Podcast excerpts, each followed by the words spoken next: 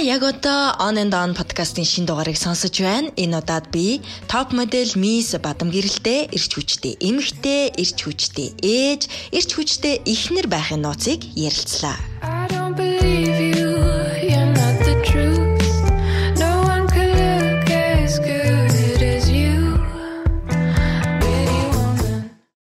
Зөги зөги мэн үзүүлж байна.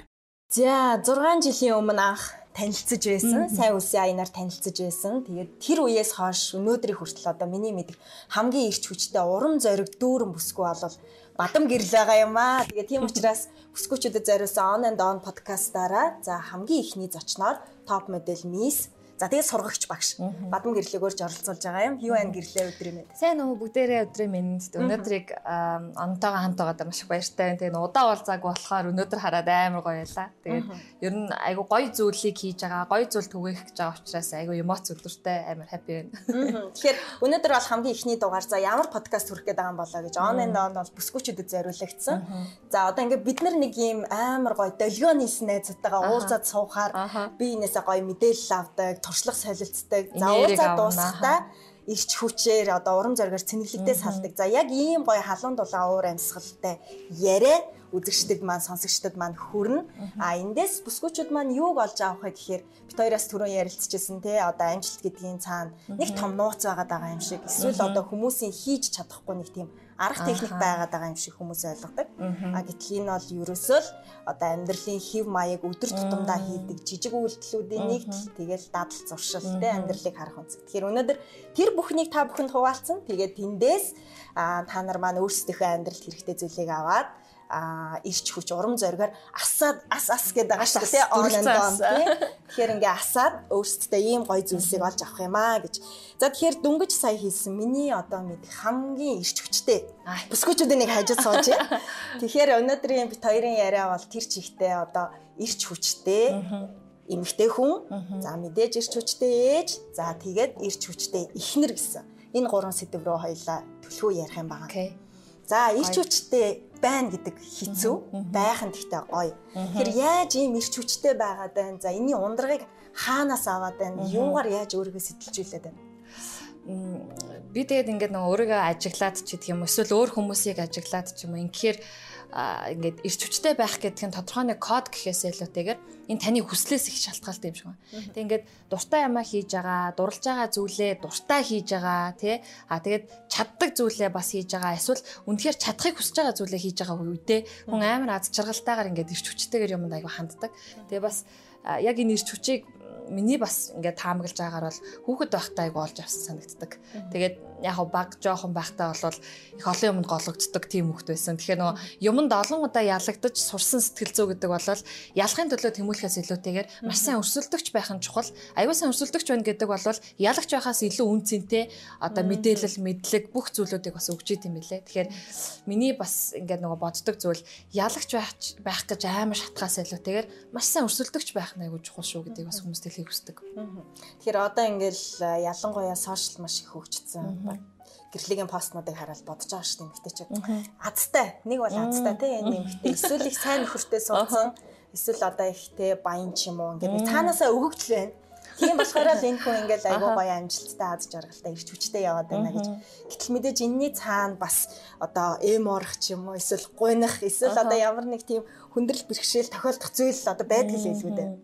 За тэгээд ингээд хүн болгоны амьдрал ондоо тий. Тэгээ би бол яг л дундаж айлын дундаж гэр бүл төссөн. Манай гэр ингээд юу гэдгийг хүүхдүүдээ юмар дутаагаагүй мөртлөө юу гэдгийг ингээд амар ингээд бүх юмар ингээд тий фул ингээд хангаж исэн ч гэдэг юм уу. А тэр одоо эд материалаар хангах гэхээсээ илүү сэтгэлийг нь бүтэн байлгах гэдэг нь бас айгүй чухал юм шиг байна. Тэгэхээр одоо манай гэр бүлийн сүнс нь бол яг манай ээжийн арга барил үзэл баримтлал гэдэг. Тэгээ манай ээж өөрөө амар юм бадрангуу гэх юм уу. Одоо бас хүмүүсийн хэлдэг сүүлийн үеийн хэлдэг биш те бадрангуу. Тэгээд би ээжигээ харахтаа ингээд ямар амар метраш хүн бэ гэж хардаг байсан байхгүй жоохон бахта. Тэгээ нөгөө хажууд яг тийм хүн нүдэн дээр тэгж өсгсөн болохоор ингээд хараад вау те эмгтэй хүн юм байд юм байна, болд юм байна ч гэдэг юм уу. Маш олон зөв мэдээллийг бас солилцсон юм шиг байна. Тэгэхээр одоо нөгөө ээж хүн ялангуяа ямар байх нь хүүхдүүдэд амар нөлөөлдөг учраас миний бодлоор бол ээж маань бол надад айгүй их байсан. За тэгээд тэн дээр нэмэх нь ахаад одоо би чинь гурван эрэгтэй дүүтэй тэрнхэдээ бол нөгөө зохион байгуулалтыг гэртээ хийдэг. Тэгэнгүүт чинь аль болох зэгцтэй буюу цагийн зөв системтэй л байхгүй болвол манай гэрт ч олуулаа одоо хоол хийхээс ахуулаад ингээл цаг авах удах юм зөндөө гарах эрсдэлтэй. Тэгэхээр энэ мэдчлэн бүх зүйлүүдийг зохицуулдаг байхын тулд багаас нь зохион байгуулалтын юмнуудыг айгуусаа сурсан болов уу гэж болгоо. Тэгээд ээж бол надад ингээд даатгачдаг. Тэгээ би гурван дүүгээ ажил нь хуваарлдаг байсан. За өнөөдөр чи шалаагаан, өнөөдөр чи тоосоос оруулна, өнөөдөр аяга угаана. Би төмсөн арилгаа чи махаарч гэгээд бүх юм ингээд дандаа шеэрлж хийдэг байсан. Тэгээ тэр нь одоо манай дүнэрт ингээд яг цохолцдог байхгүй. Одоо ингээд гэртээ бид нар жилд нэг хоёр удаа ээжтэй ээж аав дээр очиж баярлдгийн. Ээжийн төрсөн өдөр шинэ жил гээд. Тэгээ энэ хоёр баяр дээр айгүй ач холбогдол өгж очихдоо бүгд ажиллаа хуваарлдаг байхгүй. Тэгээ ээж ингээд бүгдэнд нь хуваарлчин. За чи тэр материалыг чи энэний материалыг чи ингэн гээд. Тэгээ бүгдээр ээж өмнө нь очиод хийхтэй хүртэл хувааж хийгээд чи гэдэг юм ингээд нөгөө бүх юм зохион байгуулалтанд орсон байдлаар өссөн болохоор нөгөө юмыг айгүй зөв цагт нь шаардлагатай хугацааг нь зарцуулаад шаардлагатай үед нь дуусгаж чаддаг болцсон нэг юм зуршил бүтээчиж. Тэгээ энэ зуршил маа намайг бас өнөөдрийн өдрөө зэрэгтэй болоход амар нөлөөсөн гэж бодож байгаа.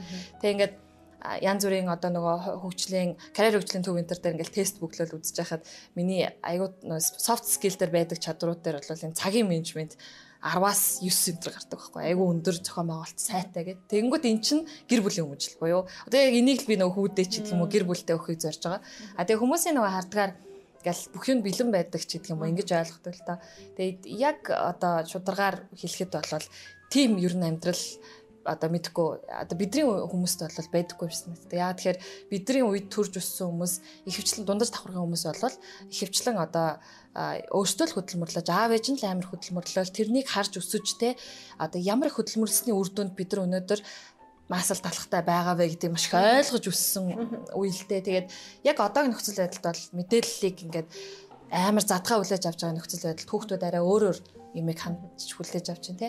Тэгээ бидний үед бидрийг жоохон байхад бол юм болгон айгу цөөхөн байсан, баг байсан те. Одоо жишээ нь уцтай хүүхд бол вау гэж хүлээ харагддаг байсан. Би бол чинь 10 төгсөхдөө л 11 дугаар ангитаа л уцс барьж үзсэн. Тэгэхээр энэ мэтчлээ ингээд нөгөө бидний үед байсан хандлага нөгөө хэрэгцээний зүйлүүд айгу ондоо байсан. Тэгэхээр би ч гэсэн одоо амьдралаа хүүдээ ч гэсэн ингээд бүх юмыг бүтэн хангалттай үг гэж үсэн боддгоо шүү дээ. Материалыг, материаллык зүйлийг. А сэтгэлийг нь бүтэн байлгах буюу зүр сэтгэлийг дүүрэхэд л хүүхэд одоо материаллык зүйлийг өөрөө бүтээх хэмжээний сэтгэл зүйтэй болох хэрэгтэй. Түүнээс биш бид нар те нөгөө гоё утас авч өгөөд эсвэл одоо юу гэдгийг үнэтэй зүйл авч өгөөд энэндээ ерөөсөө чухал биш. Тэгэд одоо нөгөө Хатанбаатарын нэг комментиг би постыг нэг уншиж байсан. Тэгэд оюухны Хатанбаатар. Тэгээ Хатнагийн тэр постн дээр хүүхдтэй олон тоглоом битээ авч өг. Цөөхөн олон төрлийн бай. Тэгээд тэрвэрэ тоглох арга хүүхэд дандаа олдог байх юм бол юмны арга ивэг янз янзаар олдог болт юм байна гэж хэлчихсэн. Тэгээд тэрийг бас харчаад би за өөрчлөлт хийх ёстой юм байна гэдээ бас өөрчлөлт хийжсэн. Тэгээд одоо бол би чи ингээд яг одоо нөхөртөөгөө гэр бүл болоод 7 жил 8 жил болж байна л да. Тэгээ энэ хугацааг бол яг хамтдаа бүх юма тгийс эхэлсэн. Тэгээд чи бас санджал 2016 онд бол нөгөө сонгуульт нэр дэвшгэд битээр бүх юма өгөөд бүр хасахтайгаар ахаад амьдрал эхэлжсэн. Тэгээд тэр намттай. Эргээд тэрийг л бодоход ингээд нөгөө амар үн цэнтэй амьдрал бүтээж байгаа, маш үн цэнтэй цаг мөчүүд өнгөрөж байгаа гэдгийг хардаг. Тэгээ эн чинь эргээд дурсамж, хүн дурсамжаараа цаддаг. Тэгэхээр гоё дурсамж байх тусмаа энэ өөрөө амар гоё мэдрэмжийг өгөөд ирээдүйд тэмүүлэх бас боломж нөөцийг бас бүрдүүлж идэг гэж боддог. Тэгэхээр харин яг одоо би бол одоо юу гэдгийг хүний мод ерөөсөд орлоод байгаа юм биш үү. Гэхдээ одоо нөгөө хүмүүс нэг тийм цахим дарамт давхар үүсэт байна л да. Одоо жишээ нь ингээл би ингээл өнөөдөр өстө сайхан өдөр байна, ажил сайхан амжиж гээд ах тусам одоо жишээ нь хүүхдтэй яг бидний ижил эмэгтэйчүүд байгаа шүү дээ. Хүүхдээ яах вэ гэж ажиллаа яах вэ гэж амьдралаа яах вэ гэж байж байгаа хүмүүс жишээ нь ингээ бодох энэ ямар гоё юм бэ? Энэ ингээ болоод хахад би яагаад чадахгүй байна гэсэн нэг тийм дам дарамт бас үсгээд байна л да. Нэг талаараа бол бид нар ингээл айгүй гоё зөөр үлгэрлээл те ирч хүчтэй байх хэрэгтэй шүү гин гол тэгэхээр хоёлаа одоо тэр арга замыг жишээ нь хэлж өгье л да. Яг одоо биднийг үзэл сууж байгаа жишээ нь хүүхдээ ажиллаа амьдралаа яах вэ гэд ингээд нэг зохицуулж чадахгүй байгаа хүмүүст жишээ нь гэрлээ бол одоо өөрийнхөө хувьд ямар зохицуулт хийдгийг. Яг юу тохиолдоод тэрийг яаж даван туулсан. За хамгийн гол зохицуулт юу өсө хүний хандлагаас эхэлж байгаа. Ерөөсөө нөө бүх төрлийн асуудлыг зохицуулахад хандлага хамгийн чухал. Тэгэхээр одоо чинь зам дээр төгжирж байгаа бүхэн төгжирж байгаа. А тэр төгжрэлт одоо юу гэдгийг хин нэгний буруутгах ч гэдэг юм уу, улсыг буруутгах ч гэдэг юм уу. Бид нар нөгөө шаардлагагүй зүйлд аюух цаг зарцуул, шаардлагагүй зүйлийг маш их боцносоо болоод өөрсдөө тэрэндээ стресстэй байдаг. Тэгээ стрессцэн тэр стресс болгон чинь эргэн тойрны хүмүүсээ дандаа ингээд нөгөө сөрөг юмар ингээд цацж идэг. Тэгэхээр аль болох нөгөө хандлага дээр айгу би аюу сериосны хэлмээр байдаг. Тэгээ хандлага гэдэг чинь өөрөө бүх юмээ болгоё гэсэн хандлага байх тусам бүх юм болдог. Тэгээ би энийг ингээд бүр хар багасаа хийсэн учраас аюу сайн мэдээд байгаа нь ээж дандаа тэгдэг байхгүй. Энийг ингэж тавиад болохгүй байгаа бол нөгөө талаас нь ингээд очиод хараад үз энэ ингээд болохгүй байгаа бол энийг ингээд үзгээд ээж бүр дандаа тэгж хэлдэг гэсэн. Одоо ингээд энэ нь болохгүй гэж бодож байгаа бол яага нөгөө тал нь болохгүй гэж болно гэж бодож болохгүй гэж ингээд дандаа олон талаас нь юмыг харчий гэж сургаад тэгээ тэр нь магадгүй айгүй том нөлөөлөл үзүүлээд тэгээ одоо болохоор ингээд би хүмүүст хэлдэг зүйл нь ерөөсөө л та болно гэдэг хандлагаар тархиа цэнгэл буюу ерөөсөө одоо энэ нөгөө хүний энерги энтер гэдэг чинь бүх юм нь амнаас гарч байгаа үг сэтгэлдээ бодож байгаа бодлоос чинь шалтгаалаад бохирдчихэдэг эсвэл одоо цэвэрлэгдчихэдэг. Тэгэхээр өөрөө амнаасаа гаргаж байгаа энэ үгийг хүн бодож байгаа хэлж байгаа учраас тархиндаа уралцсан тэр зүйлээ л ярьж байгаа шүү дээ. Тэгэхээр энэ зүйлийг зөв байлгах нь өөрөө эргэн тойрныхаа бөгөөд өөрийнхөө бас бүх зүйлийг цэвэрлэх боломжтой. Хандлага нь амар чухал. Тэгээд энийг дагсан маш олон скиллүүд бид нараас угаасаа эзэмших хэрэгтэй. Яагаад тэгэхээр 21-р зуунд амьдарч байгаа хүн ганц сайн хоол гэдэг байх нь өөрөө ур чадвар биш.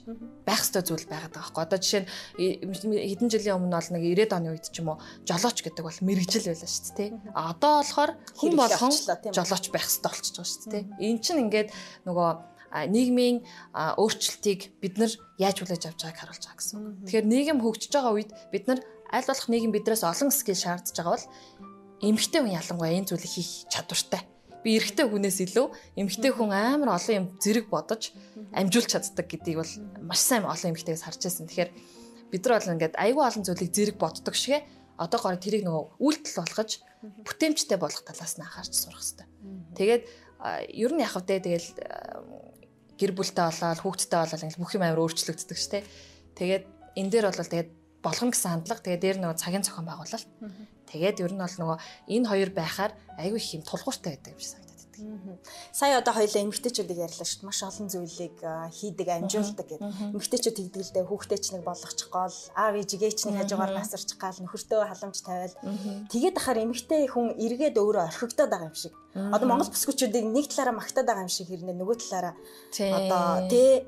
Ингээд ста монголчууд ста мундаг шүү монгол бүсгүй хатан ухаан гэх тэгэхээр нэг бодлоор төвчээл амьдраад авах ёстой юм шиг амжуулаад л авах ёстой юм шиг хэрнээ цаагаараа өөрөө гээдээд байгаа. Энэ тал дээр би саяхан нэг ном уншиж байхад тэр номон дээр болохоор тэр одоо нөгөө фейсбુકийн хоёр дахь хүн буюу одоо олон нийтийн харилцаалтных нь дарга билүү дээ. Яг энэ эмгтэй манлайлагч байгаа байхгүй. Тэгээ тэр эмгтэй гийн номыг уншиж байхад юу гэж гарч ирсэн гэхээр эмгтээчүүд нөгөө дандаа бусад хүн ямар миний талаар ямар юу гэж бодох бол гэдэг санаа зовж үйлдэл хийдэг гинэ. А харин эрэгтэй хүн болохоор би угаасаа ингэ ийдсэн бахад бусад хүн хүлэн зөвшөөрнө гэж бодож хийдэг гинэ. Тэгэхээр ингэ нөгөө хоёр ондоо хандлагаар бид үйлдээд байна гэсэн үгтэй үйлдэлээ. Тэгэхээр энэ дээр зүгээр би бодохдоо яагаад бид нар ч гэсэн би хийн чи яаж хүлээж авах өөрөө л мэд гэж болохгүй гэж. Яагаад энэ хүн намайг муу ээж гэж бодчих вэ? Энэ хүн намайг муу ихнэргээ бодчих вэ?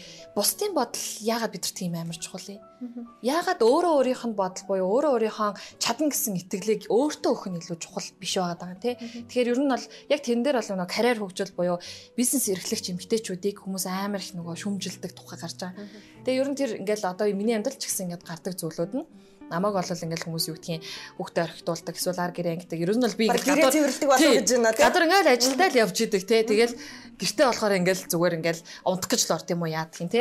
Гэтэл эмгтэй хүн өөрөө байглаасаа маш олон юм зэрэг амжуулах боломжтой буюу скилтэй төрдөг. А тэрийг бид нар харин цагийн зохион байгуулалтаар зөв хуваарлах хэрэгтэй. Тэгээ нөгөө хуваарлтыг зөв хийх тусмаа л эмгтэй хүн стрессгүй байдаг. Тэгээ нөгөө юмыг хийхдээ нөгөө түүртэж хийхээр л тэр ч бас стресс ихгүй. Яагаад угаасаа бид нар чадах юм аа гарынхаа зүрээр л хурааныхаа зүрээр л хийж чадах юм аа нөгөө амар хүндрүүлж ингэж үзээд байдаг гэсэн. Одоо жишээ нь даалгаврыг бол жишээ нь биел хийлэгдэг хүүхдийн даалгаврыг. Тэгэхээр ингээл орой хүүгээ аваад миний ажлыг дуусгачаад бид тээр 8 өнгөрөөж гэртээ хараад тэгээ хүүгийн даалгаврыг би хийлгэсээр аал нэг 10 хагас махс болон заримдаа амжихгүй тэнгууд нь 10 хагас гэж унтуулчаад өглөө босоод нэг 11 гэс эрэхт нь хийлгээд манай үгийн хичээлний 30-аас урдаг. Тэгээ 12 хүртэл яг хийлгчээл 12-оос хоолыг өгөөл 11-ээс 12 хооронд манай хүүхд хичээл ээж хооронд би хоолын давхар бэлтэн. Хичээлийн хооронд нь хоолоо бэлтэж явах хийж явахдаа хүүхдтэй хичээл нэм бахгүй тийм бахгүй гэл ингээл яагаад энийг зохицуулж болохгүй гэж энийг зохицуулдаг зөндөө олон эмэгтэйчүүд байдаг. Тэгэхээр бид нар нөгөө бусдын болж байгаа зүйлийг нь олж харж өөртөө наахыг хүсэхгүй. Харин яахаар энийг болгоод байгаа ингэж боддог нь өөрөө буруу бодол. Энэ яаж болгоод байна гэдэг. Яахаар ингэж болгоод байгаа гэдэг нь. А тэг яг энэ болгоны юунд чинь манай нөхрийн ч гэсэн дэмжлэг байгаа штэ. Тэг ерөөсөө гэр бүл ихнэр хүн гэрэл гэлбаатай өнгө үзэмжтэй байхын хамгийн том бас төлхөрүүдийн нэг мэдээж нөхөр. Тэ гэр бүлийн хүн. Тэг тэр гэр бүлийн хүн ихнэрийнхээ хүсэл зорилго хийх гэж зүтгээд байгаа, зориод мөрөөдөд байгаа тэр зүйлийг нь хүндэтгэж ойлгож байгаа бол окей харин өнөөдөр өдөр хүргээд өгч чи орой авчаарай. Бид нар дандаа тийм тохиротой. Тэгээд одоо хоол ихтэй ч гэсэн харин өглөө би өглөө нөө 6 цагийн хичээл энэ төр орж байгаа үед бол өглөө хоол хийж амжихгүй шүү дээ. Тэгээд өглөө босоод минер хоол ичээрээ тэгээд би ингээд ирээд идээд би цаашаа гарна хүүгээ өргөчөөд ингээд явна. Окей бүх асуудал ингээд 50 50% тагаа зохицуулагдаж болдог байхгүй. Яагаад эрэгтэй хүн дандаа эмэгтэй хүний гарыг харах хэвээр. Эрэгтэй хүн ч гэсэн гартаа хөлтэй үнэрлдэг, амталдаг, хийдэг, тэ бүх юм хийдэг штэ. Тэгээд ингээд феминизм гэдэг чинь өөрөө эмэгтэй хүний манлайлал эрэгтэй хүнтэй тэгш эрэгтэй байхыг л хэлээд байгаа шүү дээ. А тэгтэл бид нар энийг нөгөө хэд даврал гэж ойлгоод байгаа байхгүй. Зарим эмэгтэй энийг феминизм гэчгээр нөгөө даврах гээд байгаа юм шиг ойлгох гээд байдаг байхгүй. Тэгээ энэ дахиад нөгөө бусдад таалагдах үзэлтэй шууд холбоотой болчихно.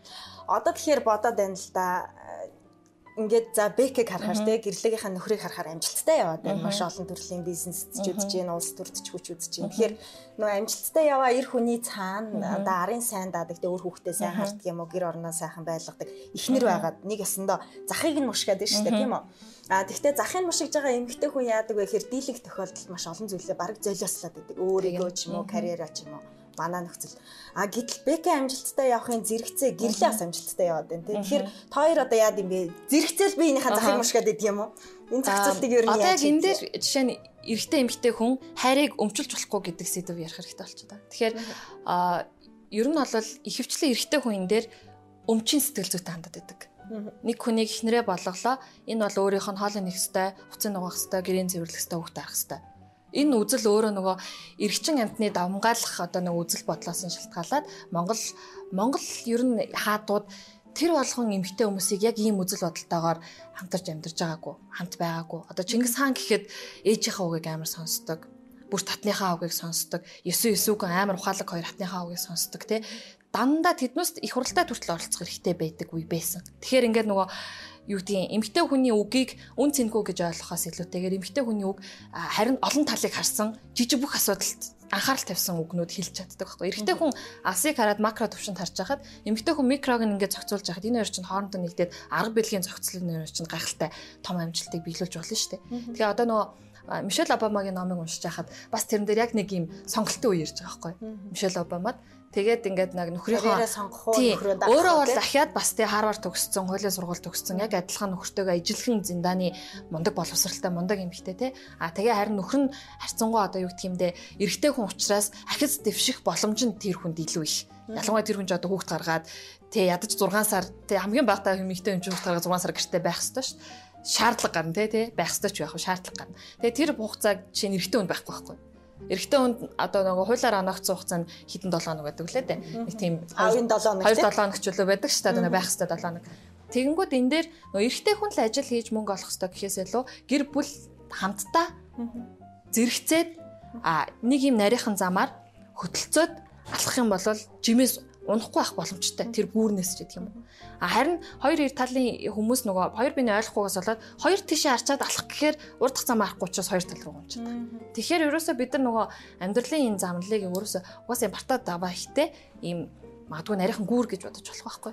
Тэгээ энэ гүүрэн дээр бид нар хөтөлцөөд эсвэл тэврэлдээд явбал үүрээд тийнрээд унахгүй. А магадгүй одоо жишээ нь энийг нөгөө яг тухайн хүн ямар өнцгөөс харж байгаас нь шалтгаална. За миний өнцөг гэвэл хоёр хөтөлцөөд алхна гэдг нь би win-win зарчим буюу аль аль нь ялагч, аль аль нь ижил төвшөнд, аль аль нь ажиллаа бүх юм ахваана, шеэрлэн а ингээд хөтөлцөөд явах нь миний ойлголтоор юм. А хэрвээ магадгүй би өөрүүлнэ гэхээр би тэр хүнд ачаа олох гэдэг байна. Тэгэхээр ачаа олохгүйгээр би өөрийнхөө асуудлыг өөрөө зохицуулцдаг. Манайх өөрийнхөө асуудлыг өөрөө зохицуулж, дундын асуудлаа дундынхаа төс бус зохицуулцдаг ч гэдэг юм уу. Одоо манай зохион байгуулалт яг тийм. Тэгээд энэ нь өөрөө амар юм стрессгүй амьдрал бий болгодог гэх юм уу. Хин нэг нь дандаа илүү мөнгө олох хэвээр, хин нэг нь илүү ачаал үүрэх хэвээр гэхээс илүү. Тэгээд ягаад хоёулын карьерийг хоёулаа бие биений зэрэг дэмжиж болохгүй. Тэгээд ер нь эрэгтэй хүний хайрыг өмчлөх сэтгэл зүйнээс болоод эмэгтэй хүмүүс амар хохирдог. Тэгээ би эмэгтэйчүүдийг хохирох ёсгүй гэж боддог. Яг хүндээ би тэрний бүр ингээд амар эсрэг байдаг. Тэгээ ягаад тэгэхээр би өсгөлтөө ч гэсэн ээж маань бүх зүйл дээр ингээд яг ингээд карьераа хамтдаа ингээд хөгжүүлэх боломж байсан боловч ээж маань үр хүүхдүүдийн хамтлаа маш их цаг зарцуулсныг үр дүнд бас нэлээд олон ололт амжилт байгаа. Гэтэ ээж маань юу гэж сургаж ирсэн гэхээр эмэгтэй хүн бүх зүйлийг давхар амжуулж чаддаг. Эмэгтэй хүн эрэгтэй хүнтэй тэнцүү ажил үргийн хуваарлтыг хийж чаддаг. За бид нар одоо цэрэгтэл явахгүй юм да юу гэмдээ одоо дайнд явахгүй юм да зэрэгт гинэ. Тэгэхээр одоо жишээ нь дайнд явах шаардлага ч гэдэг юм одоо тийм муухай болохгүй л дээ зөвхөн тийм юм болох шаардлага гарвал эрэгтэй хүмүүс мэдээж хамгийн түрүүнд те эр хүнийхээ зориг төвчээр гарна. Гэхдээ эн чин эргээд эмгтээчүүд нь тэр хүмүүст урам зориг өгөх ч гэдэг юм. Ингээд аль болох нөгөө нэгнийхээ үйлдэлийг нөгөөгийнхээ сэтгэлээр нөхдөг ч гэдэг юм. Ингээд нөгөө гоё би бинийгээ дүүрэгдэг байвал эн чинь өөр амар үнцгэн. Яг 50 50% байх боломжтой өнөөдөр би хоолоо хийлээ, маргааш бэкэ хийлээ, одоо яа өнөөдөр би гэрээ цэвэрлэлээ. Яг ийм хатуу байдгүй эсвэл энэ бас уян хатан байдаг юм уу? Энэ амар уян хатан. Аль болох би юу гэх юм бэ кийг чи заавал хийх ёстой гэж шаардахгүй. А гэхдээ тэр хүн миний хийж байгаа үйлдэлийг ч гэдэг юм миний нөө амжуулж байгаа байдлыг хараад өөрөө угаасаа хөдлөхгүй байж чаддаггүй гэх юм уу. Одоо тэрийг бол би хайр гэж бодож байгаа. Намайг хөдөлмөрлөөд байгааг харж байгаа. Би амьдралдаа ахиа тус нэмэр болж байгаа. Бид хоёр яг 50 50 тавтагаар амьдралаа босгож байна. А харин энэ дээр Бэки миний хийж байгаа зүйл миний хүсэж байгаа те хийгээд хүсээд чадж байгаа зүйлийг тэр хүн дэмжинэ гэдэг бол энэ бол хайр. Тэгэхээр эн чинь хайрлаж байгаагийн шинж болохоос биш одоо юу гэдгийг эхнэрийг амар дэмжиж байгаа хэрэгч бас биш л те. Энэ бол би бинийгээ дэмжиж байгаа хэрэг. Сэтгэлээс гарч байгаа дэмжлэг юм байна л да. Тэгээ ер нь нөгөө юмыг чинь сэтгэлээ гойдгүй шүү дээ. Тэ. Тэгэхээр сэтгэлийг хүн үйлдэлээрээ л үзүүлэх хэрэгтэй байна. Тэгэхээр би тэр хүнд хэрэг сэтгэл гаргаж чинь тэр хүн эргүүлэл над гаргаж байгаа учраас эмэгтэй хүнээс мэдээж амар олон зохицуулалт нэг олон давхар өөр өөр бодол зөв нөхцөл байдлыг яаж удирдах уу те бүх юм их эмэгтэй хүнээс шалтгаалдаг одоо бид нэр айгуух яриад байгаа шүү. Women empowerment гэх эмэгтэйчүүдийн хүч хэрэгжилт. Одоо түрүүний тэр ярьсан феминист үзэл энтертэй ч гэсэн холбогдох байх л да. Тэгэхээр одоо ингээд эмэгтэй хүн хүч хэрхэгжээд за санхүүгийн тал дээр ч тэр мэдлэг одоо чадварын тал дээр ч тэр ер нь бол манай эмэгтэйчүүд их мундаг болж шүү дээ. Тэгээд ирэхээр нөгөө талд нэг ажиглагдаад байгаа зүйл юу вэ гэхээр одоо энэ амьдрал баг эрэгтэй хөнгүүгээр болох юм байна тий. Одоо эрэгтэй хүний гарыг харахгүйгээр эмэгтэй хүн сайхан амьдраад ингээд хүч хэрхэг байгаад нийгмийн эдийн засаг бизнест гоё манлайлаад байгаа дах боломжтой юм байна гэсэн бас нэг ийм байр суурь харагдаад байхгүй. Тэгэхээр гэрлэгийн хувьд одоо энэ эмэгтэй хүн одоо манлайлж штэ салбартаа манлайлж гин бас хүч хэрхэг эмэгтэйчүүдийн илрэл байна. Тэгэхээр энийг одоо тэгээ гэр бүлийнхээ халуун дулаан уур амьсгалтай гэр бүлийнхээ тогтвортой байдалтай яаж ингэж гоё хослуулад байна. Жороосоо хуваалцвал. Одоо тэгэл айгүй мундаг эмэгтэйчүүд зөндөө байгаа. Одоо бид нар нөгөө нийгэм цаг үеийн өөрчлөлтөөс шалтгаалаад эмэгтэйчүүдийн оролцоог дутуу үнэлээд байдаг л да. Жишээ нь одоо арчлалын үед бол ингээд айгүй мундаг эмэгтэйчүүд байсан байхгүй юу? А тэр хүмүүс хөгжихийг хүсэж исэн. А гэхдээ тэр үед одоо нөгөө социализм дөнгөж хаагдчихсан тэ арай нийгэм солигдчихсэн, өөрчлөгдчихсэн. А ингээд нөгөө нийгэм солигдох, өөрчлөгдөх болгонд хамгийн их хохирж байгаа хүйс өөрөө эмгтэй хүн баггүй юу. Тэгээ одоо нөгөө ар гэрээ авчулдах уу, инээ тэрэг л аюу олон юм бодож чинь тэ. А гэтэл бүх цаг үед хүчрэг эмгтээчүүд байсан. Бүх цаг үед тэр нийгмийг өөрчлөх, үзэл бодлыг өөрчлөх, олон хүмүүсийг уриалж чаддаг эмгтээчүүд бүх цаг үед бүх улс оронд байсан. А харин тэрийг нөгөө тодруулах уу, дарах уу гэдгийг эрэгтэй хүмүүс шийдээд байдгийг. Яг үндэ. Ягаад тэгэхээр одоо жишээ нь Монголд ингээд аваад үцхэд парламентэд байгаа эмгтэй гишүүдийн тоо яг манайх болоод ингээд бүлэг хэмжээнд бүлэг болчлаа л да. А гэхдээ энэ дэлхийн хэмжээнд ч гэсэн бас ингээд айгүй доогуур байгаа хിവэр байгаа байхгүй бид нар улс төрийн хэмжээнд улсын хэмжээнд шийдвэр гаргах төвшөнд эмгтэй хүний оролцоо маш бага буюу одоо 12% тай л байгаа байхгүй эн чинь өөрөө бас тийм сайн зүйл биш Яагаад тэгэхээр эмэгтэйчүүдийн оролцоо, эмэгтэйчүүдийн манлайлал, эмэгтэйчүүдийн хийж чаддаг зүйлийг шийдвэр гаргах төвшөнд аль болох олон компани захирал эмэгтэй байж иж, аль болох улс төрд олон эмэгтэйчүүд гарч иж бидний нөгөө асуудлыг ойлгоно бидний нөгөө яг гэр бүлд юу тулгамдаад байдаг тэр хүмүүс чинь бидний дуу хоолойгоо тоолоо болж хэлэх байхгүй. Тэгэхээр аль болох бид нар би бол зөв тэгж боддоо шүү дээ. Монголын амар том том групп компаниудын захирлуудын ядаж те 30-аас 40% нь эмэгтэй болцсон байхад ер нь энэ бол бас амар том хүчлээ. Тэгээд яг энэ эмгтэй бол эмгтэй ингээд юм нэг манлайлагч нар ингээд байгаад тахаар яг гоо эрэгтэй хүмүүсийн хувьд энэ аюу хэцүүлтэй нөглөөнд зөвшөөрөхөд аюу хэцүү. А гэхдээ гэр бүлийн амьдрал дондоо а салбарт буюу бизнест ч юм уу устөрч гэдэг юм уу эрэгтэй хүн юм байхад эмэгтэй хүн юм байгаад байна л да. Тэгэхээр энийг эрэгтэй хүн хүлэн зөвшөөрөхөд аюу хэцүү буюу араас нь хөөж байгаа хүртэл зөвшөөрөхөд аюу дург байгаа. А гэхдээ а гэр бүлийн амьдралд энэ өөрөө хайраар зангидагдчихийдэг учраас улс төр буюу бизнесийн орчноос ондоо шүү дээ. Тэгэхээр амьдрал дээр бид нар хайраар ингэж багцлагдж байгаа учраас хайр гэдэг чинь өөрөө бие биенийхээ амжилтыг хүлээн зөвшөөрөх гэдэг утга давхар явж байгаа байхгүй. А хэрвээ Беки миний хүсэл зорилгыг хүнддэгдэггүй, миний одоо зорж байгаа хийх гээд байгаа тэр том мөрөөдлүүдийг дэмждэггүй байсан бол би өнөөдөр нэрээ үнэхээр л яг ингээл тэр хүний ард нь л орцсон явж байгаа байсан баг. А гэтээ би тийм амьдрал эзэж хүсэхгүй.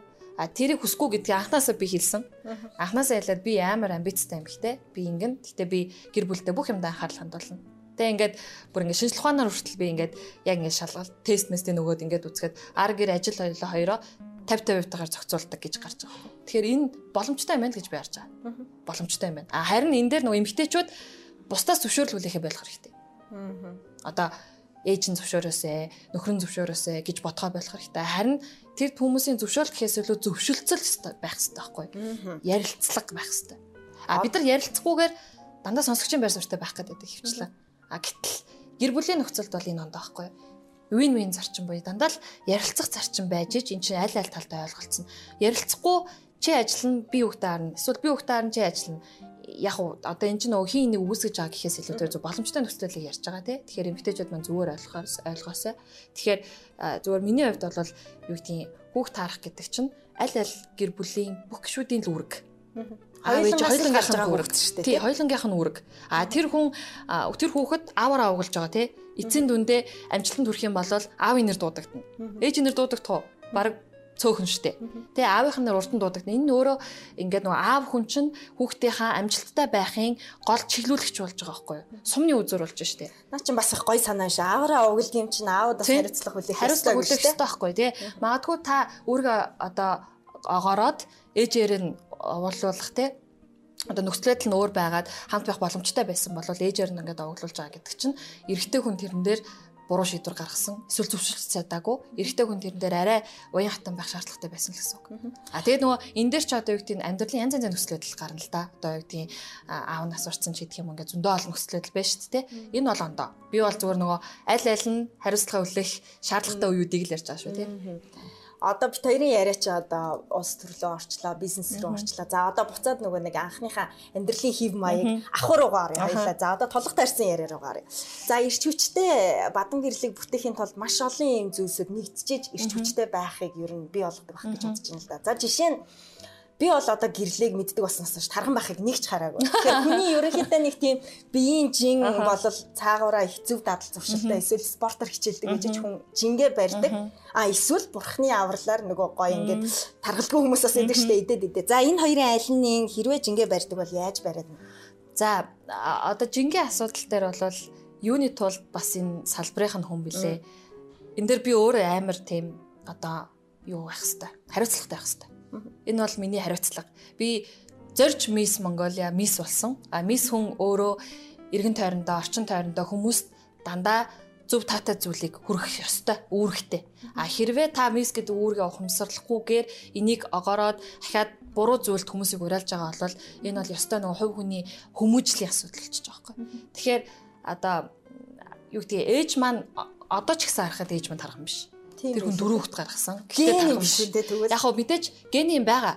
А сайхнаас ингээд нэг 25-аас хойш гэх юм уу да. 25 нас тэртээ хүрээд тэрний дараа нилээ ингээд нэг юм эвгүй юмнууд гарч ирж байгаа хгүй ингээл гид суух гач байгаа юм шиг те. Ингээл өг зүг унчих гач байгаа юм шиг ингээл эвгүй эвгүй мэдрэмжүүд орж ирнэ.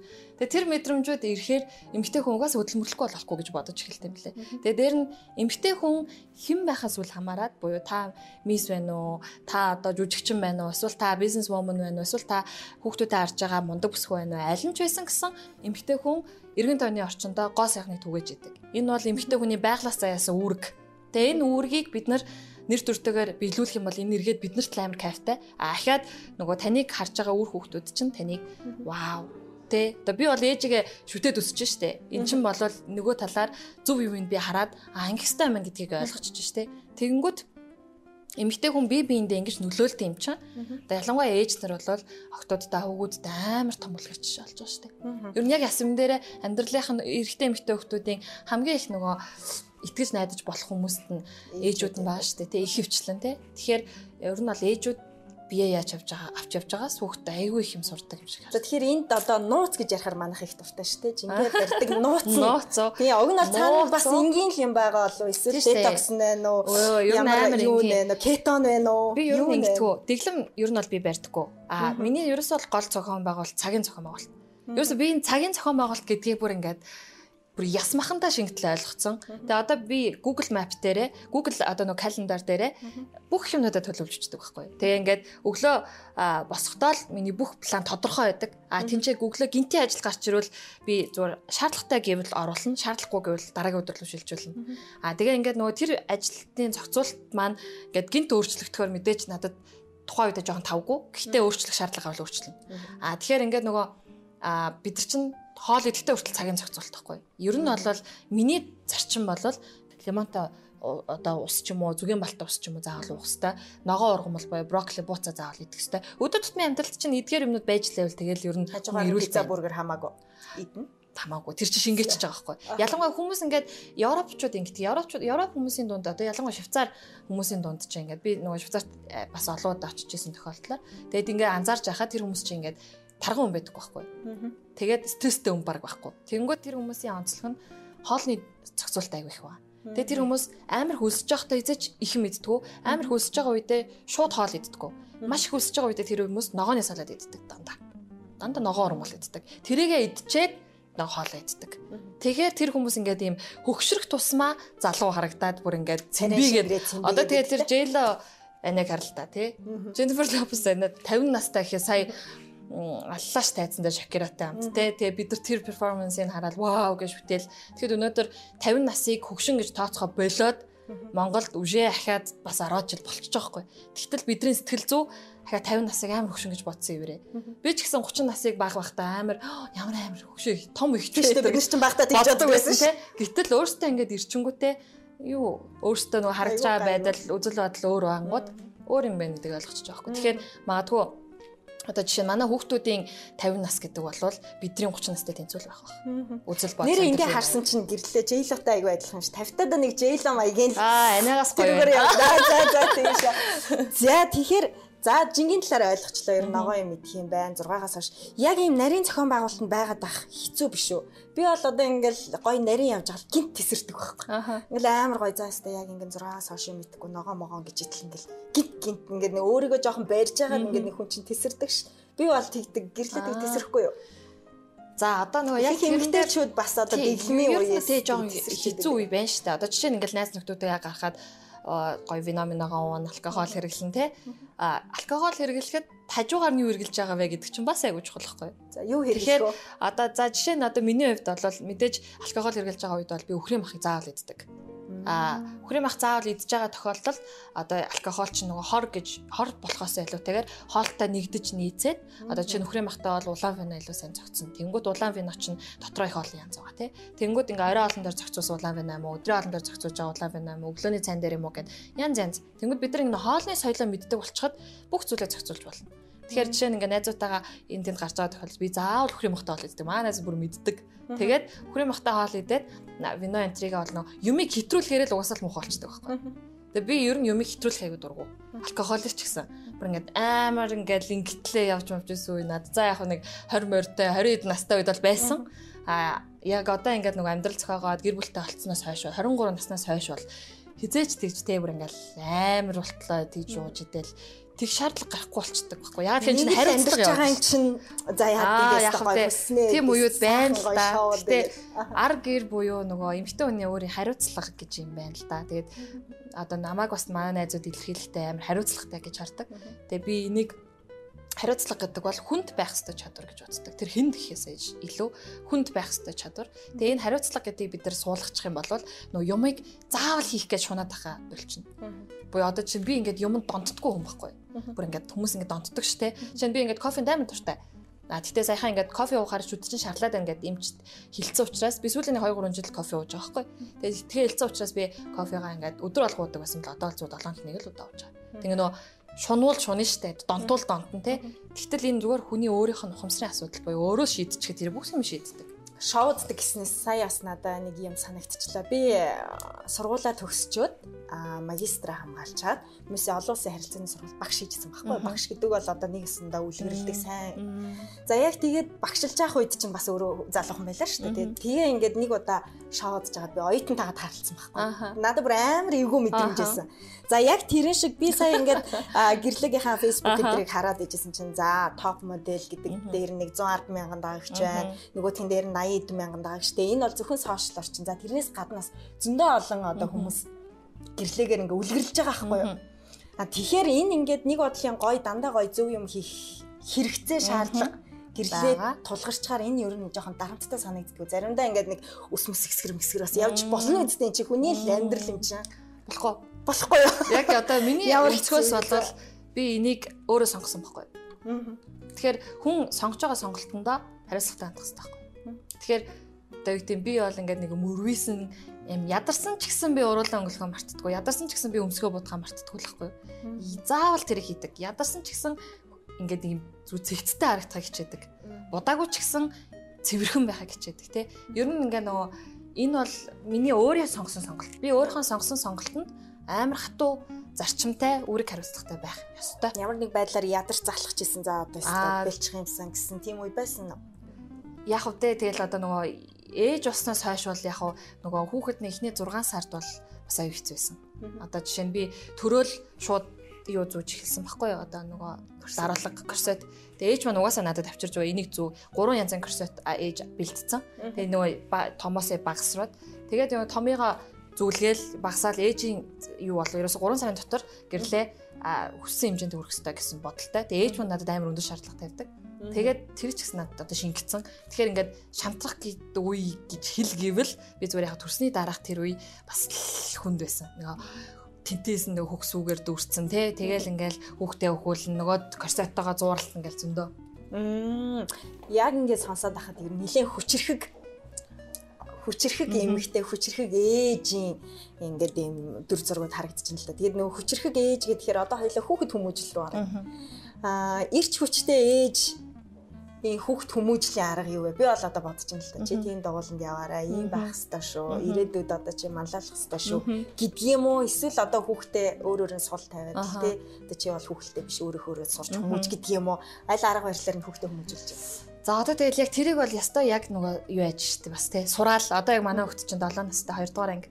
Тэгээд хичээлийг нь бол би өөрөө хийлгсэн дээр юм байна гэдгээр нь ойлгоод байгаа. Хэр зодтолтож мэдлэлтэж. А тийм бол байхгүй. Байхгүй юу. А манай хөлт бол ингээд ингээл чанга ингээд бүр ингээд нүд нь ингэх бах. Ер нь бол бид нар нөгөө ингээд чанга чимээ ч гэдэг юм уу ингээд нөгөө зүгээр дуу хоолоогоор л одоо уралж байгаагаа илэрхийлж ирсэн болохоос юм зохигч гэдэг юм эсвэл өөрт нь хүрэх ч гэдэг юм уу тийм юу өсө байхгүй. Тэгэхээр тэр нь бас нөгөө хүүхдэд бас нэг арай эерэг зүйл бах гэж би бол бодоод байгаа. Тэгээ манай гэр бүлийн хувьд манай хүн бол юу хүүхдтэй тэгж баг хатуу хүч хэлэхгүй дээ. Ер нь тэгэл чиний зүв тэг тэг тэг гэл ингээл байждаг байхгүй. Тэгээ би болохоор өө над чинь тэгээ шүү. Над чинь ингэ шүү гэл өө ээж чинь зүв гэл ингээл яг ингээл явж байдаг. Тэгэхээр яг хаа мэдээж хүүхдээ ямар хүн болгомоор байгаа битээр ихлэ ярилцсан байгаа байхгүй. Тэгэнгүүт хүүхдээ бол битээр ингээд амар онцсуур гэж юусаж ахгүй Тэр бүр ингээ бит хоёрын хамгийн том одоо санал нийлдэг зүйл.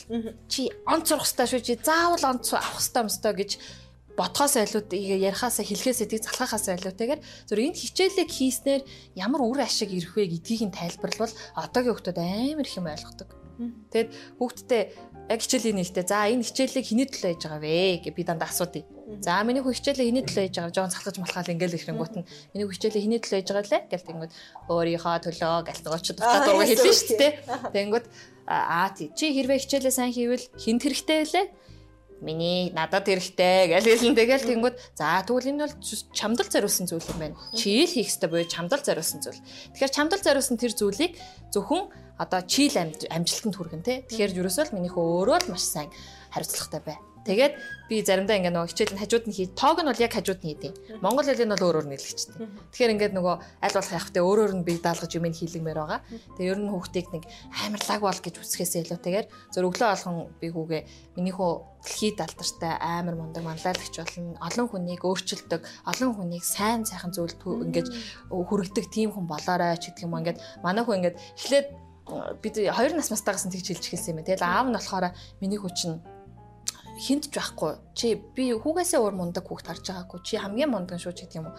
Тэгээ ингээд нөгөө хилэнгүүд яг хвтэ хүүхд чи ингээд дотроо өөртөө итгэл нэмэгддэг ч гэдэг юм уу. Тэгээ янз янз. Тэгээ манайхт айгүй бүрэг гिचмхий байсан. Тэгээ тэрийг нь олон улсын медалийн тэмцээнд оролцуулж үзээл. Ахаал нөгөө янз янзын юмд оруулж үзээл. Ингээд өөрийнхөө арга барилаар үзэж байгаа юм л да. Би бас багтаа тийм хүүхд байсан болохоор. Тэгээд одоо л айгүй өөрлөцсөн. Тэгээ одоо 2 дугаар ангид орсон учраас хариуцлагыг өөрт нь өрүүлж байгаа. Өнөөдөр жишээ нь манай хөлт нүдний шил шил зүүдэг. Тэгээ шилэн тэр нэг удамшлын хараа муу гэж юм байт юм ба штэ. Тэгээ тэр удам дагсан нэг тийм юм бас байгаа юм бэлээ. Тэгээ шил зүгээд шилээ болохоор өнөөдөр орчиж байгаа хгүй гэртээ. Тэнгүүт нь би гарахтаа уурлахгүй штэ. Тэгээд шилээ яасан гэдэг нь гэл нөгөөтг чи ингээл гэл дотроо бодоол те ингээл санаан зовн тэнгүүт өө тий одоо миний хөдөл хэцүү байх нь штэ одоо сайн харах байгаа. Одоо яах вэ? Миний үгийн миний хөө өөрийнх нь л хариуцлага асуудалтай. Чиний л асуудал. Чи сайн харах нь чамд сайн, чи харахгүй байх нь чамд муу. Миний хөө өөрөө л одоо дараа нь мартах уугүй гэдэг өөрөө шийд. Гээл хэлчингүүд аюу их юм бодоол тэгэл явтыг. Тэгээ яг нөгөө би хүүтэйг аль болох юу аюу их ярилцах хичээдэг. Нөхөртөөгөө ярьж байгаа юм шиг л нөгөө шаардлага тавиал ярилцаал юу гэсэд байгааг нь сонсох гол те. Тэгээ аюу их юм ярих га яриулахыг хичээдэг. Юу болоод байгааг нь Тэгэхгүй бол нөх хүүхд чинь ингээд хадгалаад ахаараа л дотроо аягүй шатаад идэм шүү. Одоо нэрээ бүрэг чимхий гэснээс introvert, extrovert гэж одоо яриад байна тий. Одоо нэг хэсэг бол өөрийгөө их гоё ярьдаг, илэрхийлдэг, тайзан дээр гараад манлайлдаг. Хүн зүгээр ч юм шиг байсан чинь одоо эсэргээрээ ингээд жаахан дотгошоогоо хүмүүсээс илүү бүтээлч зан гараад байна гэж яриад хүүхдийг одоо ингээд дотгошоогоо байхад нь бити их гадагш нь болох гэж ийдгээл тий. Тайз руу одоо бараг эцэг эхчүүд чинь түлхдэг шүү дээ тий.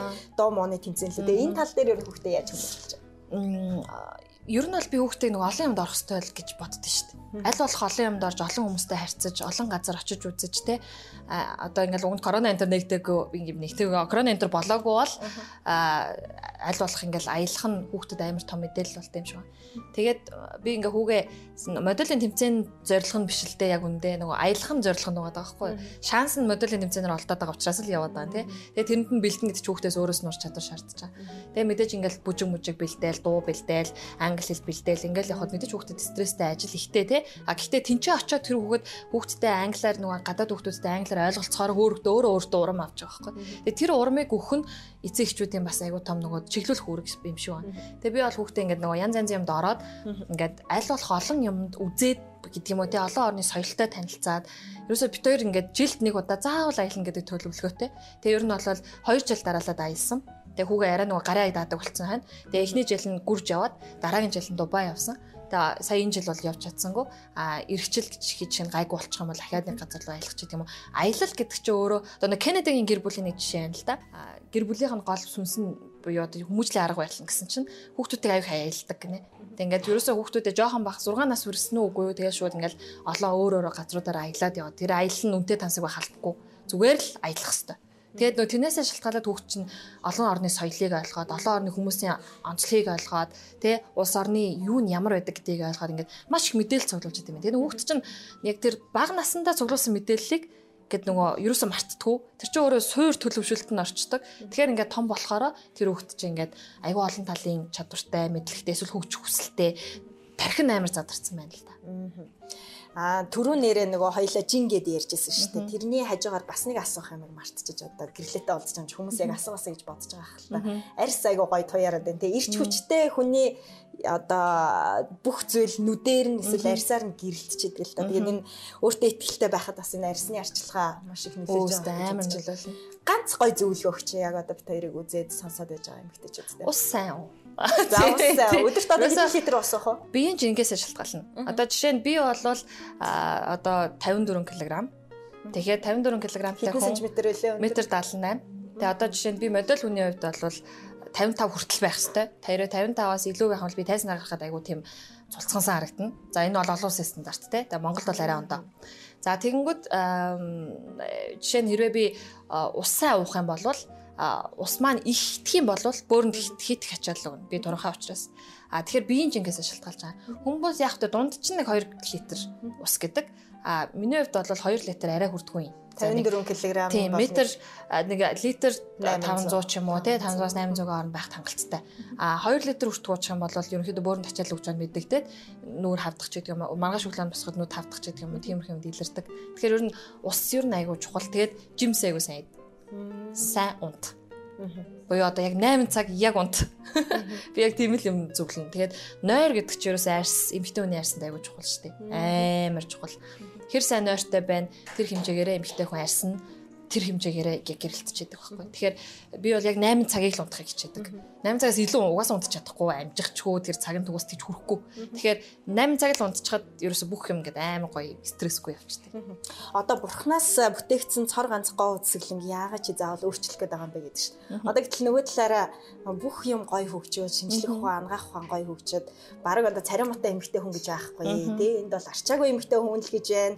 Одоо юу л бол юу хийх бүрэн боломж байна гэж яриад байна шүү дээ тал дээр ер нь юу гэж боддөг вэ? Ямар нэг гоо сайхны мис заслын тал дээр хэр нээлттэй байдаг вэ? Би бол нэг тэгж тэрийг үгүйсгдэг шүү дээ. Яагаад болохгүй гэж. Ер нь нэг тийм хүний эрхэлтэй. Бид нар нөгөө бусад хүний амьдралд хит их оролцдог учраас тэр хүн ямар байх ёстойг бид нар заах гэдэг л та. Тэгэхээр хүн өөрөө бусдын амьдрал санаа зовхоос илүү өөрийнхөө амьдрал санаа зовх ёстой. Тэгэхээр би би одоо тэр хүн ингэж тийч гэж бодхоос илүү би ч гэсэн яага болохгүй гэж бодож болно шүү дээ. Тэр мэсэлд орно уу, тэгнэ үү өстө хувийнх нь асуудал хгүй. А Орстон сайн, Орстон муу, ороогүй сайн гэсэн үг юрдөөсөө биш аахгүй. Нийгэм хөгжиж гин, улс өөр болж гин, тэ технологи хөгжиж гин, бүх юм нээлттэй байна. Бид нар чөлөөт ирэх, чөлөөтэй нийгэмд амьдарч гин. Пакистан биш тэ одоо ингээд юу гэдэг араб биш ингээд бид нар юу тийм царайгаа нуух шаардлагатай оронд амьдрахгүй байна. Эсвэл эмгтээчүүд сурч боловсрох ёсгүй гэдэг нийгэмд амьдрахгүй байна. Бид нар бүх юм нээлттэй хаад бид нар ягаад өөрсдөө ингээд нэг жижигхэн хайрцагт өөртөө оруулчаад тэр хайрцаг дотор л амьдрах хэрэгтэй гэж. Би бол зүгээр тэр хайрцаг ингээд урж тасдахыг санал болгоно. Яа тий, ерөөсөө нэг амьдралдаа хүн яаж амьдрмаар байгаа тэрүүгээр л амьдр. Би энийгч одоо шүүхийг хүсдэггүй. Шаардлагагүй гэж боддог. Хүнийг шүүгээл ирэхээр хүн ер нь тэгэл тэнгээ гайхуулж байгаа л хэрэг болчдөг байхгүй. Яг үндэ би нэ жоохон муухай. Гэхдээ зүгээр миний л үзэл бодол. Гэтэ надад бол энэ шудрах санагддаг. Үнэн санагддаг байхгүй. Бид нар бусдыг шүүгээл ирэхээр тэнэг болж байгаа л гэж би боддог. Өөрийн чинь хувьд одоо өөртөө за одоо би галбартаа эсвэл юу гэдгийг оюун мэдлэгтэй эсвэл зүс царинда 100% ихтэй гэдэг эсвэл ямар нэг юмдаа одоо өөрчлөлт хийнэ гэсэн төлөвлөгөөтэй байдаг. Би ер нь л өөртөө амар ихтэй байдаг шүү. Тэгээд мэдхгүй тэгээд тэр итгэлийг чинь үгүй үгүй би баг багтаас амар ихтгэл муутай. Одоо мараа 10 жилийн хүмүүс хэлнэ гэж. Тэгээд 10 жил төгслөө гэж. 38 дугаар сургууль Герман Монголын хамтарсан 38 дугаар сургууль гэх манай 38 дугаар сургуулийнхаа үзэж байгаа бол бүгдээрээ мэдчихэж байгаа хөө. Тэгээд би бол ер нь бол болон зогсоол хүүхдүүдэд загнуулаад ч гэдэг юм ингээл чичлүүлээл эсвэл ингээл хамгийн сүүлд алхах чийдэг эсвэл ингээл нэг юм. Ер нь тийм л хөвгтэйсэн. Тэгээд тэрийг өөрчлөе гэж шийдсэн нэг үйл явдал айгу хүчтэй нөлөөсөн. Тэгээ яг нөгөө айгу олон хүмүүсд гинт огцом амар ингээд нөгөө гочлуулад тэгээ тэрнээсээ би ингээд тэр нэг 10 мараа настай байсан баха. Тэгэл тэр цаг надад амар том өөрчлөлт илрэл болоод тэгээ би бас нэг инстаграм дээр бас нэг биччихсэн. Ер нь нэг тиймэрхүү юм нэлээд олон давтагдсан. Тэгээ олон юм нэг юм олон давтагдахар чи хүн ингээд өөрөөс өөрөө л болохгүй юм байна гэдгийг ойлгох юм байна. Тэгээд за би л болохгүй юм гэдгийг ойлгоод тэгээ ер нь бол өөрчлөлт хийгээд аюу олон зүйлүүдийг шинжилж байна. Гэхдээ ээж хаан хүчээр буюу ээж хаан одоо 10 настай гэдэг чи одоо ер нь нэлээд жоохон биш шүү дээ. Тэгээд цаашаага ихэнх хүүхдүүд бол ингээл хүнээр гоочлолол ахаар цаашаагаа л ингээд шигдэл улан бүрэг болоод биш. Гэтэл одоо тэрийг уурж тастаа гарч ирнэ гэдэг бол ер нь тэрийг л биднээс баг гарахааргүй том. Тэр бол тэгээ миний ээжийн л хүч тий ээж маань л надад итгэлсэн. Ээж маань намайг чадна гэж итгэсэн учраас л би хийсэн. Тэгээ ээж маань л инг тэгээр одоо ингэрээд намайг ээж амар хамгаалдаг гэсэн яг үндэ. Одоо нэг хідэн хүүхд намайг гоочлол загнаал юу гэдэг би уйлцаа очил та тий тийм зөндөө болдог гэсэн. Тэгээ тэгээ очиход ээж маань уурлаад буцаж гараад ингээл тэр хүмүүсийг шууд загнадаг тийм төрлийн юм баггүй юу. Тэгээд ер нь бол охиноо амар хамгаалдаг. Тэгээд би ч ингээд нөгөө аюу хилам төрчдөг. Би ч хоёр ч удаа хулгаад ингээд алдчихсан. Тэгээд ээж маань нөгөө төрхийг маань өөрчлөх хэрэгтэй болоо. Тэгээ нөгөө лам мамарын тэр яваад төрхөө өөрчлөх хэрэгтэй болоод тэгээ би ч хоёр удаа том болчоод үсээ усч ирсэн. Нөгөө үсээ ах хүүхч үсээ усчаар тэр үедээ ингээд нөгөө өөртөө бүх юм байхгүй болчих штэ. Тэгэнгүүт чинь тэрэнд тэр яг л гадаа тоглонгууд ч хүүхдүүд нөгөө халзан малзан ингээд шоглоно. Тэгээ эсвэл миний нөгөө өмсцэн малгай ч юм уу бандаг маань ингээд авна. Аваалгүйгээ зүхтэн штэ. Би ч уйлал орно те. Тэгэнгүүт ээж гарсаал шууд уурлаад чиний ч гэсэн үсийг хусан шүү гэж ууралдаг байсан. Тэгээ ер нь бол нөгөө би ээж байгаа тэр нөгөө зүтгэлийг харахтаа тэ вау эмгтэй хүн тэ үр үндсийнхаа төлөө удмынхаа төлөө тэр хүн ямар амар их зүтгэл гаргах юм байдгийг ойлгосон. Тэгээ ер нь бол тэрний хүчээр ээжийнхаа хүчээр ээжээ маань оролцоотойгоор айгүй олон зүйл өөрчлөгдсөн. Тэгээ би яг энэ давшранд бас ээжтэй маш их баярлж авдаг гэдгийг бас хэлмээрээ.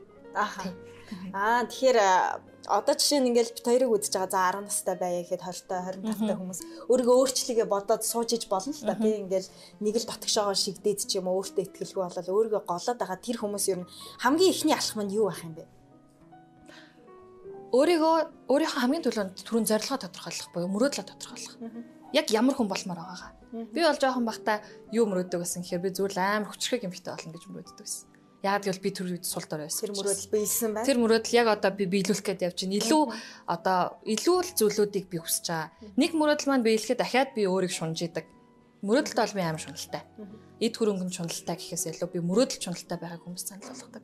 Мөрөөдөл гэдэг чинь өөрөө хүнийг хөдөлгөх хүч болоод ингээд амар шазруу ирчтэй байх боломжийг олгодог. Тэгээ ер нь олон удаа ялагдаж үз гэж бас санал болгоо ялагдаж үдсэн, гоочлуулж үдсэн, юу гэдэг юмд ингээд нэг те чи бишээ гэж хэлүүлж үдсэн хүн нөгөө яагаад би биш вүлээ гэдгийгээ боддоод энийг нөгөө хоёр талаар боддог. Нэг нь бол бүр ингээд ста нэрэ үс санзан санаж дээ. Нөгөөх нь бол би өөрчлөгдснээр надад ямар ач холбогдолтой юм бэ? Өөр дээр илүү тулгуурлаж бодож байгаа. Нөгөөх нь бусд руу тулгуурлаж бодож байгаа. Ерөөсөө хүн өөр дээрээ л өөр илүү нөө бодлуудаа төвлөрүүлэхээр л бүх гаргалгаа гарч ирдэг юм. Бид нар бусд руу бодлоо төвлөрүүлээд ирэхээр гаргалгаа гарч ирэхгүй зөвхөн стресс нэмэгдээд байдаг өөр дээр бодлоо төвлөрүүлэхэд нэрээ одоо яаж ин бясалгаж гин үү, йогдж гин үү, ямар нэг арга техник хэрэгжилж гин үү? Аа за яг уу яг нөгөө бясалгал энтриг бол би мэднэ. Одоо яг бясалга гэдэг бол би бясалгаж чадна. Одоо одоо юм хөгжсөн шүү дээ YouTube-ээс яг бясалгалын хичээлээ сонсоол ингээл англиар л болохоос ш ингээд сонсоод явж болно. Нөхөр битээр хоёлаа тэгж бясалгалаар хичээлдэг. А йога гэдэг юм бол йог ч гэсэн яг хий гэвэл хий чинь. Ер нь зүгээр миний үзэл бодол юу гэхээр хүн нэг л амьдарч байгаа юм чинь би энийг чадахгүй дээ гэж бодхоос илүү яага болохгүй гэж ингээд үзээд алтахыг би санал болгоно. Одоо тэ би бол ингээд янз янзын юм үзэж алтахыг хүсдэг байхгүй. Яагаад болохгүй гэж үзээд алдсан хамгийн сонирхолтой одоо тэнэгч хэмээр алхам юу вэ надад бодоод байна. Эм за би мотоциклын сургалтанд суусан. Тэгээд одоо бол мотоцикл унч чадна. Гэхдээ энэ мотоцикл гэдэг чинь нөгөө юу гэдгийг яг өөр ингэсэн мотоциклтай байгаад байн гунжиж хөвшдөг юм байна. Тэг яг би ингээл нөгөө эргэн тойрныхаа хүмүүсийнхээ гуйж муугаал ингээл хаяа хаяада хичээлэл явж ин л та. Тэгээ мотоциклын дугууланд сурсан маань ингээд миний хувьд ингээд юу гэдэг хүмүүс намайг хизэж тийм хийхгүй дэ гэж бодож байхад миний хийсэн үйлдэл. Манай энэ жолооны курс заад юм уу? Үгүй, мотоциклын тусгай сургалт байдیں۔ Тэгээ тэр нөгөө кросс дээр сургалтаа хийдэг байхгүй? Тэгээ сургалтын кросс дээр. Тэгээ кросс унаа сурцсан хүн чинь ерөнхийдөө бусад мотоциклуудаас ундаг юм байна л та. Тэгээ яг хаа би бол одоо нөгөө мотоциклтай биш учраас мотоцикл одоохондоо байхгүй байгаа учраас гэтээ ер нь ирээдүйд магадгүй цаа чи 40 үрчээд мотоциклтай хотод хотын төвчрээс залхаад явж ич магадгүй. Зөв саарлс тээ. Ер нь би нөгөө өөрийгөө нэг юм юм дотор хайрцаглах айгуу дургу. Тэгээ одоо ингээд бүр л тэрийг бүр л ингээ эвдхийг хүсээд байдаг болчиход. Тэгээ одоо намайг мотоцикл унаа сурсан чинь манай ээж сурна гинэ. Оо за. Тэгээд ээж маань ингэж хүсэж байгаа юм чи би ингэж хүсэх нь бараг авчихгүй үстэй тий. Өөр бүр эвдмээр одоо ер нь ямар төлөвлөгөө байна өөрийгөө. За гэрлэг бол одоо бүгд мэдчихэж байгаа шүү дээ. Мис байна, модель байна, за багш байна, сүүл одоо Дейл Карнегид сураад өвшөө илүү одоо зөвхөн хүний тэ гадаад дүр төрх юм алхаа өөрчлөхөөс илүүтэй одоо бүр хүний гүн рүү ороод эхэлсэн тэ үгийг нь үйлдэлийг нь бодолт нь хэлэл. За өөр өөрчлөх ямар төлөвлөгөө. Өөрийгөө сорж үзэх. За ер нь юу байна аа яг бизнесийн салбарт өөр нэг амар онцгой нэг салбарт хүч үзье гэж бодож байгаа. Тэгээ ер нь бол одоо энэ 7 хоногт би гэрээгээ хийн. Тэгээ гэрээгээ хийчихэл юм бол яг тэрний төлөө би сурна, хичээн зүтгэн хамгийн амжилттай хүн болно. Тэгээд яг одоо нөгөө цаашд бол би яг бизнес woman гэдгээр өөрийгөө харж байна. Тэгээд илүү тэр бол ингээд ийм одоо орж явах нууц юм шиг хэрнэ. Юу төд бодлого та нарт задал задрагдчих бах. Тэгэхээр яг хүмүүс яг тэрийг сонсоод амар гайхна. Нөгөө юу юунд дурдлав гэдэг үлээ нэг тийм үг байдаг штэ би нэг юм тэгсгээд хэлчихлээ те. Нэг тийм үг байдаг ш тэгэд яг тэрэн шиг хүмүүст санагдаж магадгүй. Гэтээ хүний юу гэж санаж байгаа надад ерөөсөө чухал биш. Би зүгээр тэрийг хийж үзэхийг хүсэж байгаа бол би хийнэ Тэр зүйлд би амжилт гаргана гэж бодож байгаа л би амжилт гаргана. Тэгэхээр зөв энэ өөрөө өөртөө л бодох бодол буюу өөрлөгөө л бодлоо төвлөрүүлж байгаа. Тэгэхээр би бусад хүн санаа зовхгүйгээр өөртөө бодлоо төвлөрүүлээд бусад хүмүүсийг ч гэсэн тэгж хүсмээр байна. Хийх гэж байгаа зүйлээ хин нэгнээр шүүмжлүүлэхийг хүлээхгүйгээр хин нэгэн шүүж шүүмжлэхэд анхаарахгүйгээр өөрийгөө л өөр өөртөө л яг ирч хүчээ өгж өөрийгөө л цэнгэлж авах хэрэгтэй. Энэ тэгээд нөгөө хэцүү биш үү? Одоо ингээд одоо гэрлэгийн хувьд чи ялангуяа их олон дагагчтай олон хүн мэддэг нөлөөлөгч болоод эхлэхээр нэг юм хүн болгонд таалагдах ч ёстой юм шиг нэг тийм хев загвар хажуунаас гараад ирэхээр өөрийнхөө л бодлоор өөрийнхөө л юм хийгээд дахаар нэг хүнд таалагдахгүй болчихгүй гэсэн тийм юм найдас байдгүй. ер нь хүн болгон таалагдах үзэл хамгийн тэнэг үзэл байхгүй юу? Тэгээд ер нь хүн болгон таалагдах хичээх ч хэрэггүй. Хүн болгон таалагдана гэдэг бол ёстой жиг хизээч бүтэхгүй мөрөдөл байхгүй. Тэгээд яа тийм ер нь хүн хүсэж байгаа зүйлээ зөвл бол хийх ёстой. А таны хийж байгаа зүйл бусдыг хохирохгүй л байвал тэр зөв гэсэн үг байхгүй. Таны хийж байгаа зүйл бусдыг хохироож байвал тэр буруу. Тэгэхээр хийж байгаа зүйлээ сонголтоо зөв хийх ёстой байхгүй. Тэгэхээр зөвөр миний бодлоор бол яг ингээд нөгөө хүмүүс дандаа л бус руу төвлөрдөг учраас л бусдаас айгаад байдаг байхгүй. Бусдын юу хэлж байгаа яг үндэ таны амьдралд нөлөөлөхгүй хэмжээний та өөрөө хүчрэхэг байл та. Та бодлоо л сайн удирдал та. Тэ? Энэ нөрөөсөө тийм өөрөө өөртөө төвлөрнө гэдэг чинь хэцүү юм биш. Бид нар л ингээл нөгөө амар сериос нүлээж аваад байдаг болохоос ш яг үндэ эн чинь зүгээр л өөр өөртөө ярих өөрийгөө сонсох өөрийнхөө юу чаддгийг юу чадахыг юу чадаж болохыг төсөөлөх Буюу одоо би бол зүгээр амар том юм төсөөлж байгаа байхгүй. За ер нь алнаа алаад ураад өгнөөл гэж юм төсөөлөд байна шүү. Тэгээ төсөөлөл эхлэхээр хүн аюу олон юм тархин аюу ингээд нэгдээд тэг ингээд нөгөө хайрцагнаасаа гараад тэгээ сайхны хүртэл би бас л ингээд дүүрцэн савн дотроо л байгаад байсан байхгүй. Дүүрцэн саваа барайл байгаад байсан. Тэгээд сав маань ингээд томорчингууд би одоо энэ савыг дүүргэхийн тулд надад дахиад өөр ур чадвараа дахиад өөр салбар хэрэгтэй байдаг байхгүй. Тэгээд би цааш бизнес салбарт хүч үзнэ. Ер нь бизнес боловсрол хоёрыг хослуулаад явна гэсэн бодолтой. За бид хоёр баг ярилцаад баг цаг гаруй болчихсон. Би сая өөр хаа ч ингэснэх ярьдгүй юм байна. Тэр айгу гой гой юмнууд бас сая сонсогдлоо. Ярианы ихэнд ч гэсэн ер нь баг би бол хаанч сошиал маршал дээр нэг тавигдж байгаа юмнууд олоо сонсчлаа гэж бодож байна. Утгагүй тэгээ сонсогч үзэгчдтэйгээ энийг бас гой хуваалцсан. За манай нэвтрүүлгийн одоо уламжлалсан хоёр асуулт байдгийн. Аа нэгдүгээрх нь бас нэг ингээл тэг хүнийг урьж оролцож айгүй хэцүү. Одоо би өөрөөс чинь хөсөлт гоох гэж байгаа байхгүй? Аа нэгдүгээр нь болохоор энэ бол бүсгүүчүүдэд зориулсан подкаст. За тэгэхээр одоо бит хоёрыг үзээд сууж байгаа одоо ялангуяа Андра агентлаг дээр 25-аас дээш насныхан зориулагдсан сургалт явагдаж байгаа юм байна шүү дээ. Тэгэхээр бид хоёрыг үзэж сууж байгаа. За 25-аас дээш насны магадгүй одоо амьдралаа чухал сонголтуудыг хийх гэдэг нөхөртэй болж байгаа, хүүхэдтэй болж байгаа, эсвэл ажил карьерээ сонгож байгаа гэдэг энэ бол эмэгтэй хүний хувьд чухал нас тий. Тэгэхээр ийм насан дээрээ явж байгаа эмэгтэйчүүдэд одоо энэ сургалтынхаа ганц сор болсон нууцыг ер нь бүсгүүчүүд яг энэ ангийг аягүй асуудаг хэрнээ зориг нь хүрдгүй. Тэгээ би яг энэ ирсэн байгаа бүсгүүчүүдийг бол аягүй мундаг зоригтой сонголт хийлээ гэж хэлнэ. Тэгээ хүн ер нь сурч хөгжихийг хизээ зогсон тэр үедээ л хүн тэгэл хөшөөд одоо өгч байгаагийн шинжтэй тий. Тэгэхээр нас гэдэг бол зүгээр тоо учраас хүн үргэлжийн сурах хэрэгтэй. Тэгэхээр яг одоо энэ манай андрагийн энэ гол одоо бүсгүүчүүдэд өгөхийг хүсдэг зүйл бол ерөөсө тэр хүнийг хамгийн чухал хүн шүү гэдгийг л ойлгуулмаар байна. Өөрөө өөрт нь. Тийм. Та өөрөө өөрийнхөө хувьд та хамгийн чухал тэгээд дараа нь та давтагдчихгүй өөр өөрийнхөө хувьд. Тэрийг одоо яаж ойлгуулдаг юм бэ? За нэг 20 хүнтэй анги байлаа гэхэд хэн болгонд энийг нь ойлгох вэ? Ер нь бол энэ чинь ингээ бид нар хамгийн түрүүнд хандлагын лекц ороод эхэлтий. Хандлагын лекц ороод стрессийг яаж удирдах уу явна, цагийн менежмент явна, тэгээд талхаа гişгийг нь засна. Ер нь өөртөө ихтэй болох арга хэмжээг нь авна. Өөртөө ихтэй болж байгаа эмэгтэй, өөртөө ихтэй болцсон эмэгтэй а болвол ер нь бол амар том юм бодож эхэлдэг байхгүй. Айгуус задгаас итгэж эхэлдэг. Тэгэхээр эмгтээчүүдийг ер нь бүгдийг өөртөө ихтэй болгочмаар байна. Өөртөө ихтэй эмгтээ хүн бусдын үгийг анхаарч сонсохоос илүү тэгээд өөрийнхөө боломжийг илүү тэлхийг хүсдэг байхгүй. Тэгэхээр эмгтээчүүдийн гол алддаг алдаа бол бусдын үгээр өөрийнхөө мөрөөдлийг устгуулдаг. Тэгэхээр бидний одоо гол санал болгож байгаа зүйл бол бусдын үгээр өөрийнхөө хүсэл мөрөөдлийг зорилгыг битээ устгуул. За тэгээд та бусдыг юу гэж бодох бол гэхээс илүү та өөрийнхөө боломжийг тэл. Ерөөсөө энэ л хамгийн гол. Тэгээ энийг л ойлгочих юм бол ямар ч бүсгүй яг эрэгтэй үнтэй адилхан карьертэй байж болно. За одоо тэгээ зочин оруу уурж оруулчаад тэгээ цаг заваас нь гаргаад зөндөө олон гоё юм ярьж араас нь дахиад бас хөслөх байх гэж байгаа байхгүй. Тэр нь бит хоёр сая бол айгуу гоё зөвлөгөө илчлээ тий 25-аас дээш насныхандаа. За тэгвэл одоо хоёлаа гэрлээ бол түрүүн би ингээд тооцоолоод үзсэн чинь за бараг 500 гаруй тайзан дээр гарчихсан. 1000 хэдэн зуун тий одоо өсвөр үеийнхэнд хүүхдүүдэд ингээд үлгэрлээд амьдралд боддоор нөлөөлчихсэн. Тэгвэл одоо яг хоёлаа бит хоёрыг үзээд байж байгаа, сонсоод байж байгаа on and on подкастынхаа сонсогч бүсгүүчүүдийн дундаас нэгийг сонгож аваад бүр яг боддоор Аа одоо тий амьдралд одоо тэр хүний үзэл бодолд эерэг хандлагт ингээд гой бодит нөлөөлөл үзүүлэг гэвэл ямар юм байж болох вэ? За одоо сүүлийн 11 жил миний хийсэн ажил бол хүнийг өөрчлөх буюу хүнийг одоо байгаас нь илүү гэдгийг нь ойлгуулах. Тэгэхээр энэ өөрөө нөгөө коуч буюу менторшип маягийн зүйл л дээ. Тэгээд өнгөтэйгүүд би За энэ айгүй гоё боломж байна. Тэгэхээр нөгөө яг миний хувьд ч гэсэн хэрвээ тэр хүн маань ингээ үнэхээр ингээд шалгараа тэгээд ингээд уулзаад те юу гэдэг ингийн болвол өөрчлөгдөөд ингүүл бас чинь амар гоё үр дүн л дээ. Тэгээд маш гоё юм санаачилж байгаа маань надад бас баярлаа. Тэгээд юу яа а нэг эмхтэйг сонгоод тэр нь за шаардлага нь 25-аас дээш настай байх хэрэгтэй. За кичи. А 25-аас дээш насны нэг эмхтэй. За тэгээд би тэр хүнтэй нэг цагийн менторшипийн менторинг уулзалт хий. За тэгээд мөн одоо манай насан туршидтай ангид өглөө өөрөө 6-д ирч чадна гэвэл насан туршидтай ангид маань 3 удаагийн хичээлд үн төлбөргүй хамрагдах боломжтой.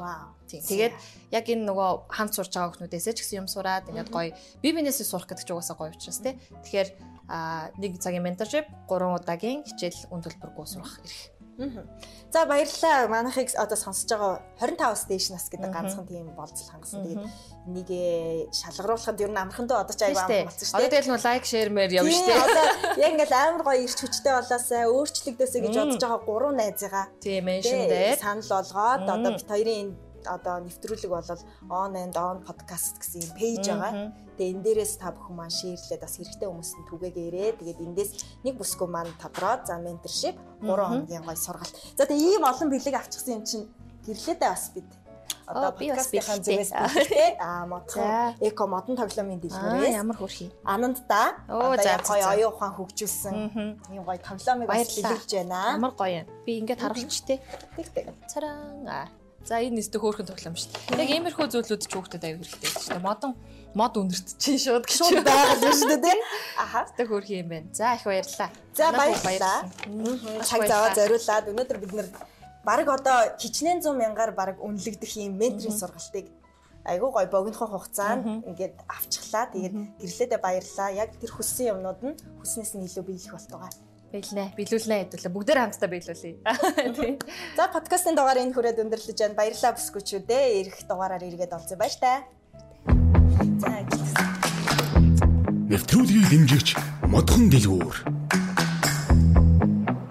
Pretty woman walking down the street